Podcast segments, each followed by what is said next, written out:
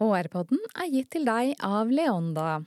Leonda tilbyr et raust og inkluderende kompetansefellesskap for deg som jobber med HR, kompetanse eller lederutvikling i en virksomhet. Les mer om oss på leonda.no.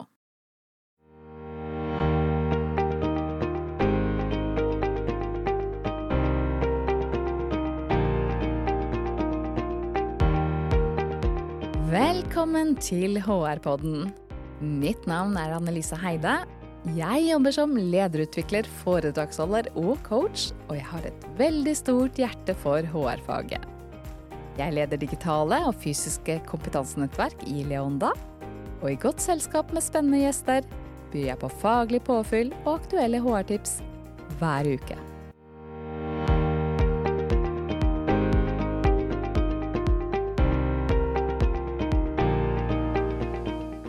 Velkommen til ukens episode i HR-podden. Nok en gang så er det arbeidsgiverattraktivitet som er på agendaen. Og det har vi faktisk snakket en del om den siste tiden, både på webinar og i flere podkastepisoder. Og i dag skal vi se litt på en studie som tar for seg unge arbeidstakere, altså såkalte Young Professionals, en årlig undersøkelse gjennomført av Academic Work, og jeg har fått besøk av Mats Furulund, administrerende direktør i Academic Work Norge. Velkommen hit til HR-podden, Mats. Takk for det. Du, vil du bare starte med å la lytterne bli litt kjent med deg, og, og kanskje bitte litt om Academic Work? Ja, kort fortalt så kan jeg si at uh, Academic Work er da et uh, bemanning- og rekrutteringsselskap. Uh, vi har da vår målgruppe da Young Professionals, de som er 0 til 5 års arbeidserfaring, og da tidlig i karrieren sin, da, kan man jo da si i hovedsak. Vi er i Norge, Sverige, Danmark, Finland, Tyskland og Sveits, og snart Nederland. Så vi holder også da til i Europa, da, kan man jo si. Ehm, for min del så har jeg vært 15 eh, år i selskapet. Jeg startet uh, som rekrutterer selv, og så er jeg ansvarlig for rekruttering og arbeidsrett i ti år, og nå de siste tre årene da som uh, administrerende direktør. Det er en spennende bransje. Det er en spennende bransje. Eh, og, og, vi skal jo snakke om noen funn fra denne her undersøkelsen, eller YPI-guiden. Dette må du uttale ordentlig etterpå. Young ja. Professional Attraction Index. Så kan du bare begynne med å forklare hva slags type undersøkelse er dette, um, og hvem er med? Som du sa, så, vi, så gjør vi dette hvert, hvert, år. Det er niende året på rad som, som, vi har gjort det. Og det er, det er en målgruppeundersøkelse. Det vi tar for oss eh, hvert år, det er da hva som er de viktigste egenskapene Young Professionals legger vekt på i valg av arbeidsgiver. Eh, og så er det også da at vi kårer de mest attraktive arbeidsgiverne for denne målgruppen. Og det som er litt viktig å ha med seg her også, at dette er ikke noe undersøkelse du kan eh, kjøpe deg inn på for, for de som blir de mest attraktive arbeidsgiverne. Og kategoriene er også da tatt fram av målgruppen selv. Så En forundersøkelse skaper da både egenskapene og kategoriene, og så er det da det som er grunnlaget for undersøkelsen. Eh, og det resultatet vi får fram. Der vi mm. også ha med noen eh, bonusspørsmål, avhengig av litt hva som er eh, aktuelle temaer. Eksempelvis dette med utbrenthet, som har vært eh, veldig aktuelt i de siste, siste, årene. Og det har vi også sett nærmere på der, da. Mm. mm. Så formålet med undersøkelsen, det er Altså Både så bruker vi dette selv i vårt, vårt, arbeid, både for å se om det er noe, noe, som utvikler seg, men ikke minst hva er det som er viktigst for å attrahere målgruppen til, til de spennende selskapene vi jobber med. Og så er det klart at for selskaper som ønsker å bruke dette her i sitt arbeid, så er det fritt fram for å, for å bruke den innsikten. Da, for uh, kanskje spisse litt mer hva man, uh, hva man, skal legge vekt på når man da skal ut der og rekruttere den målgruppen da, til, til, sin virksomhet. Eventuelt mm. også selvfølgelig at man beholder sine young professionals i virksomheten, og kanskje om det er noe man må gjøre der, da. Mm. Så, så, som du sier, det er en slags sånn tostegsundersøkelse. Først så snakker man med målgruppen og får opp de kriteriene som skal inn, og så måler man og scorer og rater etterpå. Ja, riktig. Så vi er i samarbeid med, med, Kantar, som hjelper oss med, med, undersøkelsen. Og da er det selvfølgelig for å få fram eh, nok eh, respondenter, også at det skal være alt med validitet og, og slike ting. Og så er det da at det er innenfor primært sett eh, Vi setter ikke noen begrensning på alder, men er, de fleste er innenfor mellom 20 og 40. Det er Snittalderen er 28. Og så er det da eh, 55% kvinner og 45 menn da, i denne, denne undersøkelsen. Mm. Og så trekker dere fram de ti viktigste tingene for young professionals, hvis jeg ikke ja. husker mye feil. Hva er de ti viktigste? vi skal ta det litt sånn kronologisk, det har vi vel tiden til. Så ja, ja. kan du si at det aller viktigste det er gode kolleger og godt arbeidsmiljø. Og det er også en egenskap da som egentlig har vært på, på topp tror jeg alle år vi har gjort det. Så det, er, det kan i hvert fall slå fast at det er det aller viktigste. Så er det mhm. etterfulgt av lønn og insentiver. Og det er de to som kanskje peker seg tydeligst ut da, som, som det viktigste. Dette med lønn og insentiver har også da blitt viktigere de senere, senere, årene, og reflekterer også kanskje litt dette med tiden vi er inne i, hvor eh, det er litt trangere økonomisk for mange. og Det er også viktig dette med, med økonomisk trygghet. Videre så har vi dette med fleksibilitet og det som heter work-life balance. Det er karriere- og utviklingsmuligheter. God leder og godt lederskap. Arbeidsoppgavenes karakter og utforming. Er det jobbtrygghet eller selskapets stabilitet. Likestilling, mangfold og bærekraft. Og så er det selskapets verdier og kultur, og til slutt da. Så det er eh, eh flere mm. ting som er, eh, som er viktige der, men da gode kolleger og godt arbeidsmiljø og lønn og insentiver som da er aller viktigst. Ja, ok. Så la oss bare dukke litt ned i noen av disse temaene. For når du sier godt arbeidsmiljø og gode kolleger, så er det noe med Ok, hva innebærer det i praksis, da? Det, det er sånn fine ord. Men, men, hva er det man ser etter, eh, og hva skal virksomhetene legge vekt på? Og Det det som er fint med undersøkelsen, er jo også da fritekstvar. Så vi, vi, ser også da akkurat hva man faktisk definerer det som. og eh, sånn I hovedsak så handler det om at vi er jo mye på, på arbeidsplassen. og vi, i hvert fall De aller fleste arbeidsplasser eh, handler jo om å være sammen med, med, kollegene sine. og det å ha et arbeidsmiljø, Du bruker mange timer om dagen med, med kollegene dine. så det å ha et, eh, en sosial møteplass, men også et sted hvor du kan utveksle erfaringer, ideer, du kan spare med noen. Det å ha et sted hvor du gleder deg til å komme eh, hver dag, det, det, er viktig. Og det, det, er også helt tydelig her at det skaper en trygghet, det å ha, ha en um, arbeidsplass som, um, som, har et bra miljø. Mm. Så hva tenker du virksomheter bør gjøre for å tilrettelegge for et bra miljø? Det, nå er det jo slik at mange har jo også eh, litt ulike si, arbeidsformer nå, med både hjemmekontor og kan jobbe fra litt forskjellige steder også. Så jeg tror nok at eh, det å skape en møteplass er viktig, og det å ha også litt tydelige hvert fall, forventninger og rammer for, eh, for, å være på kontoret. Eh, det er jo klart at det er viktig å, å et, skape et arbeidsmiljø også som er inkluderende, det at det er plass til alle. Så det er, det er, et stort og kanskje litt krevende tema for mange også, men jeg tror man skal i hvert fall ta utgangspunkt i å snakke med, med, sine ansatte, eller snakke med medarbeiderne sine også. Hva, hva, er det vi er gode på, og også hva, kanskje hva vi trenger å jobbe enda mer med. Mm. Så rett og slett sørge for at man har den dialogen på arbeidsplassen. Eh, ja. Og avklare både forventninger og hva som funker, og, og hva vi skal jobbe mer med. Mm. Ja, og ikke bare la det være opp til, eh, til medarbeiderne å skape det gode miljøet også, men også legge til rette for det. Ja, ikke sant. Mm. Et annet poeng i undersøk undersøkelsen er dette med karriere- og utviklingsmuligheter. Hvordan kan virksomhetene møte disse behovene? Ja, og Der har vi også sett det at eh, det med karriere og utvikling det handler ikke nødvendigvis bare om at man ønsker å rykke oppover i, si, på karrierestigen. Det handler veldig mye om utvikling, og kanskje også utvikling sideveis. Men eh, i den eh, målgruppen her så handler det ofte om de som er tidlig i karrieren sin. og det er klart at Da har du, i hvert fall for veldig mange, en uh, ambisjon om å lære mer, uh, utvikle deg. At du ikke står på stedet hvil over, over, mange år. Så det er klart at det å og der fra et virksomhetsperspektiv da, være tydelig på hvilke muligheter finnes her.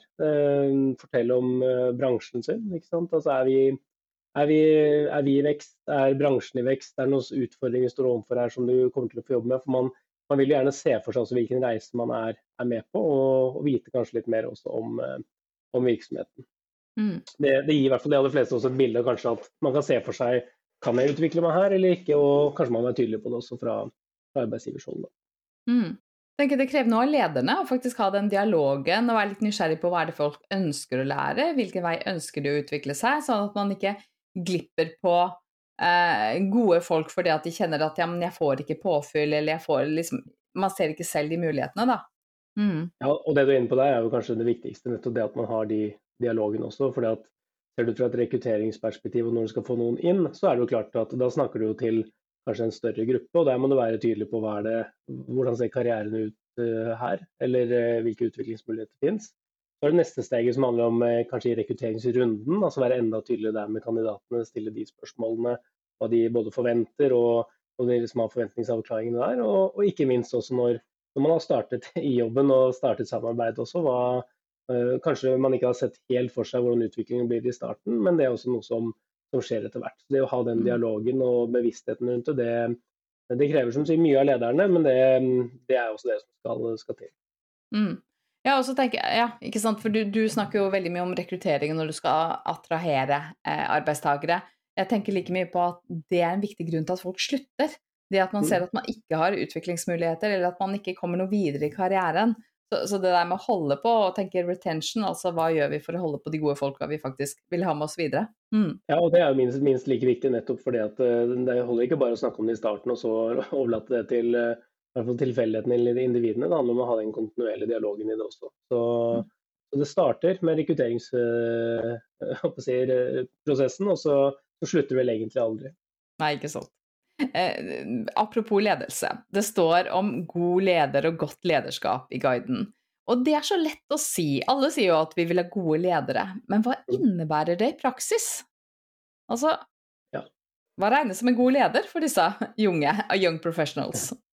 Ja, og det, man kan vel kanskje si også at det, det har i hvert fall ikke blitt noe lettere å bli leder, for at forventningene er, eh, er store. Og det er, eh, det er, klart at det med å ha en tilstedeværende leder, det er viktig. En som, eh, som ser deg og som lytter og som følger deg opp. En som representerer en trygghet. Og dette kan på mange måter også være litt i kontrast til det som, som mange også ønsker med fleksibilitet og jobbe litt fra, fra både Eh, hjemmekontor eller jobber fra andre steder også. Fordi at uh, man har fortsatt en forventning om at lederen skal være tilstedeværende. Så det krever mer der. og Der er vi inne på dette også nettopp med å ha dialog og kanskje ikke ta ting for gitt eller anta ting, men uh, nettopp det å legge til rette for å ha gode, konstruktive samtaler og, og faste møtepunkt. Det, det, tror jeg er avgjørende for å ikke på en måte at det skal glippe etter hvert. Det er lett i starten alltid å ha veldig mye fokus på det, og så kanskje slippe litt med etter hvert. Men nettopp det å lytte og være forståelsesfull, og, men også det å sette forventninger. Det,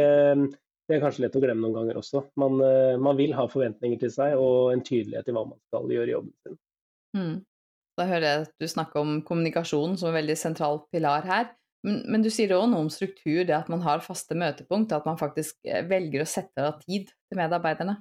Mm. Ja, og det at man setter av tid, og også kanskje noen har behov for mye og noen har behov for lite. Så får man være også ærlig på hva som er realistisk å kunne forvente. og Det, det i seg selv også er en viktig forventningsavklaring eh, i, i, si, i forholdet da, mellom arbeidsgiver og, og arbeidstaker.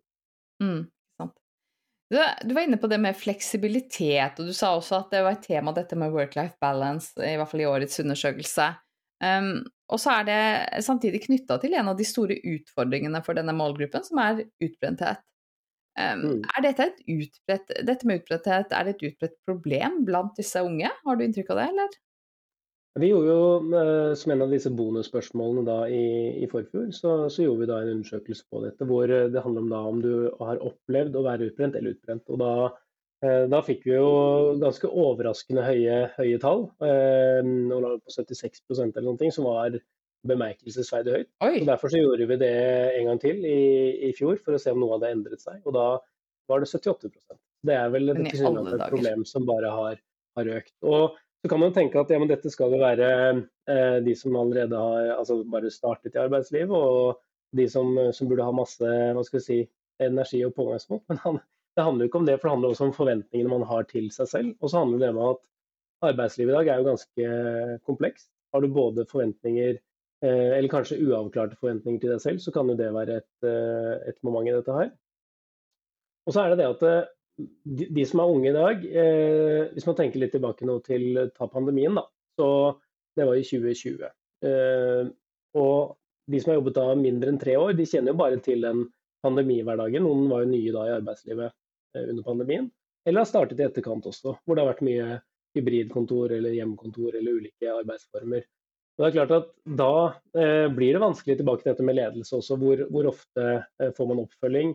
Hva er forventningen til meg? Kanskje man jobber uforholdsmessig mye eh, bare fordi at man ikke vet hva som er godt nok. Og så er det dette med kanskje dette jaget om at man skal gjøre karriere. Så det er, det er veldig sammensatt i dette. De, de tre hovedårsakene som oppgis da til eh, opplevd utbrenthet, det er da eh, dårlig ledelse, eller opplevd dårlig ledelse. Mm. Det er den første og største grunnen. Så er det dette med lav grad av work-life balance. Det handler jo kanskje om at man ikke vet helt forskjellen på når, når starter og slutter arbeidstiden, og når starter og slutter fritiden. Mm. Og det siste er da høy arbeidsbelastning, som også da henger sammen med dette med eh, kanskje liten, eh, litt, si, eh, lite medarbeidere eller for få folk. Eller eh, det har vært mye press på ressurser og sånne ting. Det er vanskelig å få tak i mange steder, og få tak i nok eh, ressurser. Og da går det jo utover kanskje noen eh, må jobbe mer eller sånn. Så det, det hører litt sammen alt dette her, men eh, det er i hvert fall veldig tydelig hva som oppgis som, som grunnene. Og tilbake til dette med hvis man sier at dårlig ledelse er den, eh, eller opplevd dårlig ledelse er den viktigste grunnen til dette, eller årsaksfaktoren, så, så kommer det litt tilbake til det vi snakket om i stad. Nettopp mm. dette med tilstedeværelse, forventninger osv. Mm. Ja, og jeg kan se for meg at både det med manglende forventningskommunikasjon kan også være med å, å trigge utbrenthet, fordi at man vet ikke helt hva som forventes, og så prøver man å gjøre så godt man kan, og så, og så, jobber man kanskje med ting som ikke er de viktigste tingene. Eller man har ikke den dialogen med sin leder om hva du faktisk kan la være å gjøre når det blir altfor mye. Så, så, klart, den kommunikasjonen er jo en faktor som kan moderere den opplevde arbeidsbelastningen. Det er jo ikke alltid Noen ganger så gjør du mye mer enn det som faktisk lederen hadde tenkt og forventet. Ja, så er det en ambisiøs si, gruppe også. og det er, eh, Mange har jo også veldig mye kapasitet og, og ønsker også å få til mye. Men som vi er inne på, så hva er det som da er faktisk eh, rett bruk av, av tiden? Og, og også dette med forventningene, og også litt etter hva som er godt nok. Da. Og Det er kanskje mm. noe som kommer noen ganger litt mer med erfaring, at man blir litt tryggere i å forstå akkurat. og Det, det er helt naturlig. det at Etter hvert så forstår du liksom hva som er, er, forventningen, men gjør du ikke det i starten, kombinert med høye ambisjoner og at man kanskje sammenligner seg med vennene sine eller nettverket sitt, og det i seg selv også bli et jag, så, er det mange av de faktorene som jeg tror sammen også bidrar til, til dette. her. Mm. Og så sier sammenligne seg med venner, nettverket sitt, eller med andre mer erfarne arbeidstakere. At du ikke helt forstår forskjellen på når du kommer inn og er ny, og hva du da kan levere, versus den som har vært eh, i organisasjonen i mange år. Akkurat, og Da kommer vi tilbake til dette også med viktigheten av et godt arbeidsmiljø. Ha noen å spare med, kanskje noen mer erfarne å, å se til der, eller at man faktisk treffes på, uh, på kontoret eller i sammenhenger da, hvor det er lett å ta den uh, dialogen. Og Er du mer overlatt til deg selv, så blir det også vanskeligere å kanskje vite akkurat det der, eller ta den kontakten da, som du mer naturlig får uh, på en arbeidsplass. Mm. Det var skremmende høye tall. Sånn, Hvordan tolker man utbrenthet? Jeg kjenner jeg blir litt nysgjerrig på det. Har dere gjort dere noen tanker om det? Ja, og her er jo spørsmålet også om man har vært utbrent eller opplevd å nære å bli utbrent. så er det klart at Dette er også en følelse som, hvis man ser på andre undersøkelser eh, utover det, det, vi gjør, så, så, er det jo i mer eller mindre grad dette som går igjen. At det er mange som kjenner på, på akkurat dette her òg. Og det er, uh, det er nok eh, det man ikke strekke til, det med tiden, det med forventninger også, som, eh, som også ser at andre, andre påpeker. Og det, det, understøtter jo også det vi, det vi ser her. Da. At eh, det er eh, noe som virker og bare øke. Og det, det, er som du sier, både bekymringsverdig og, og noe man bør ta på alvor. Mm. Eh, du var litt inne på dette her med, med hjemmekontor og fysisk tilstedeværelse, og dere har også undersøkt det i eh, denne YPI-guiden, eh, eller det står litt om det. Ja, riktig. Dere har valgt å undersøke hva som skal til for å få eh, disse young professionals til å velge å være på kontoret. Eh, mm. Fortell! Da må man også ta utgangspunkt i, i stedet hvor, eh, hvor, det kanskje ikke er veldig faste rutiner for dette, men det at hvis man da skulle si ja, men for at du skal jobbe på kontoret, hva er det viktigste som må ligge til rette da? Og Da ser vi også at den viktigste årsaken der også er det som vi kaller et positivt arbeidsmiljø. Altså eh, og det å ha en arbeidsplass å, å gå til, eh, som man gleder seg til å gå til. Og eh, dette med fleksibilitet og det at du, du skal være på kontoret, men kanskje at det er noe mer romslig akkurat når du kommer og går. Det støtter jo også opp under det at man kan få hverdagen til å gå opp ellers også. Man har jo kanskje mm. andre forpliktelser eller andre ting også som, man gjerne vil, eh, vil rekke over. Dette med arbeidstid er jo én ting, også men tiden til og fra. Hvor langt unna du bor arbeidsplassen, det spiller jo inn. Mm. Og så er det dette med, med kollegiale. Som, uh, og miljø og det kollegiale kommer jo da på nummer første og, eller første og tredjeplass. Mm. Så, så klart det igjen også viser jo det at man er opptatt av å, å være på arbeidsplassen, men også det at man har da gode kolleger. Mm. Når dere velger å undersøke det, har du inntrykk av at eh, manglende fysisk tilstedeværelse er et problem? Eh. Altså, I flere sammenhenger så er det i hvert fall et, et hett tema, og det spesielt også etter eh, pandemien, hvor mange i hvert fall fikk en uh, voldsom økning i uh, si, det å enten være på kontoret eller ikke være på kontoret. Det var jo også noe som kanskje svingte litt fram og tilbake nå de siste, siste årene med, mm. med, hvor mye man skulle være til stede eller ikke, og det positive her. Noen sa vel at vi kommer aldri til å samles på kontoret igjen, og så er det mange som kanskje har gått litt tilbake på det. Mm. Så tror jeg det er litt avhengig fra arbeidsplass til arbeidsplass og bransje. Men vi ønsker i hvert fall også å se på det nettopp fordi at det er en ting som tas opp også som en, eh, en viktig faktor når man søker jobb, eller ser, eh, der man kan velge mellom arbeidsgivere. Hvordan ser arbeidstidsordningen og fleksibiliteten ut? Og da, da, kan man også snu på det og si ja, men hva skal til da, for at vi, vi ønsker å være på, på kontoret. For det, ja. Man vil jo i utgangspunktet som alt annet ikke tvinge noen, man vil at det skal, skal være noe man ønsker å gjøre også. Det vet vi at mange også også gjør. Men uh, det å grave litt nærmere også i hva som, som er det viktigste, det, det syns jeg også er interessant. Mm. Men, men, du sa man er opptatt av det når man søker jobb. Eh, hva er det man er opptatt av da? Er, det at folk vil ha arbeidssteder med fleksibilitet, eller hva er det de spør etter? Det de spør etter er jo nettopp det at uh, Og det handler ikke om å være minst mulig på kontoret, men det handler om det at uh, hvor strengt det er på arbeidstiden, at du må være på kontoret hele tiden. For mm. noen så handler det kanskje om at du og i hvert fall en tydelighet også fra, eh, fra arbeidsgiver på eh, Handler dette om eh, to dager i uken, handler om én dag i uken, handler om at det er greit å hente og levere i barnehagen, og så kan jeg ta tidene senere. altså det at Kanskje ikke nødvendigvis er de strengeste arbeidstimen ellers, så lenge du gjør timene dine. Så Det er også sammensatt, men det at det ikke er så strikt, det, det, det er vel kanskje det man opplever også som mer moderne mm. si, arbeidstidsordningene. da. Mm, så det er disse unge opptatt av? Det sier de, ja. Ja, ok. Mm.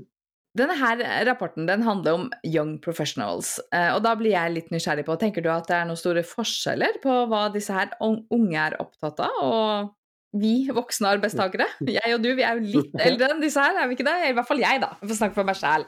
Ja, det kan du si det. Også, så det Begrepet ung i seg selv også, her er det i hvert fall at undersøkelsen som tar for seg mellom 20 og 40. Da. Så hvis man tar det utgangspunktet der, så, så kan man vel si at det, det er nok noen ting som skiller seg. Vil jo dette alltid være individuelt også. Da. For noen så de som har vært lenge i arbeidslivet, ønsker sikkert å være masse på arbeidsplassen også, og vice versa. Men jeg tror at man skal tenke at de som i hvert fall er tidlig i arbeidslivet og ikke har så mye erfaring, de har kanskje mer behov for eh, veiledning, mer behov for kanskje dette med, med bekreftelse på jobben man gjør osv. Eh, krever kanskje litt mer og ønsker litt mer interaksjon. Det er veldig mye positivt i det også.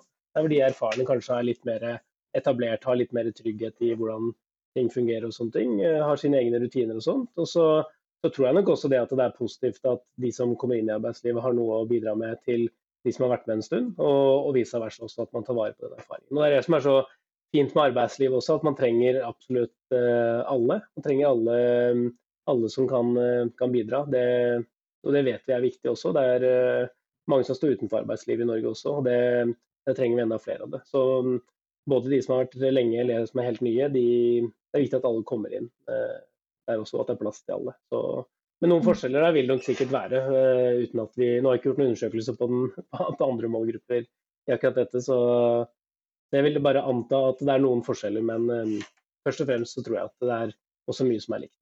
Mm. Så eh, hvis vi skal oppsummere og se om vi kan gi noen råd helt sånn konkret til HR, la oss si at du jobber i en virksomhet som har behov for å tiltrekke deg flere av de unge arbeidstakerne, f.eks. nyutdanna som kommer ut fra mm. studiestedene denne våren her. Mm. Mm. Hvordan ville du gått fram for å sørge for at uh, disse her young professionals oppdager din bedrift?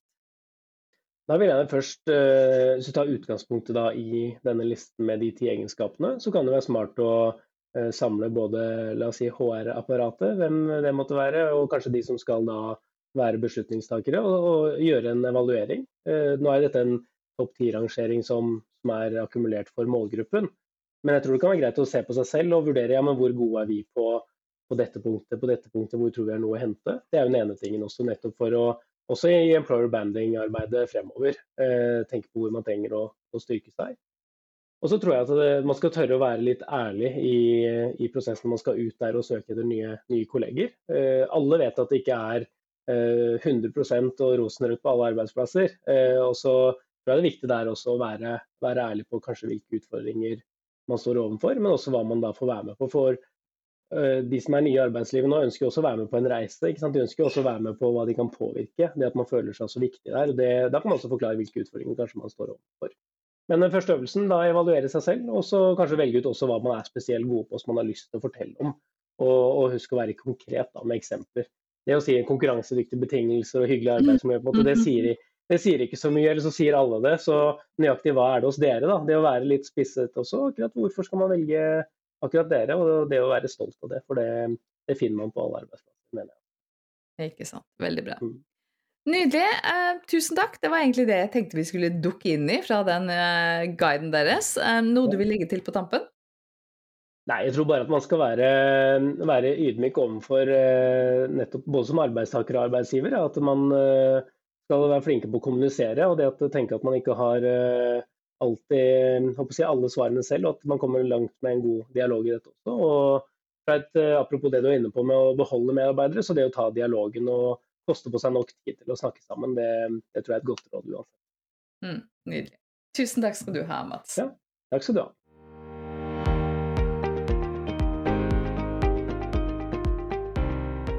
Synes du dette var nyttig? Tips gjerne en venn eller kollega om denne episoden, slik at flere kan få glede av det som vi deler. Sjekk ut tidligere episoder på leonda.no slash hrpodden og følg oss på Apple eller Spotify for å få med deg neste episode. HR-podden byr på nye fagtips hver onsdag. Vi høres!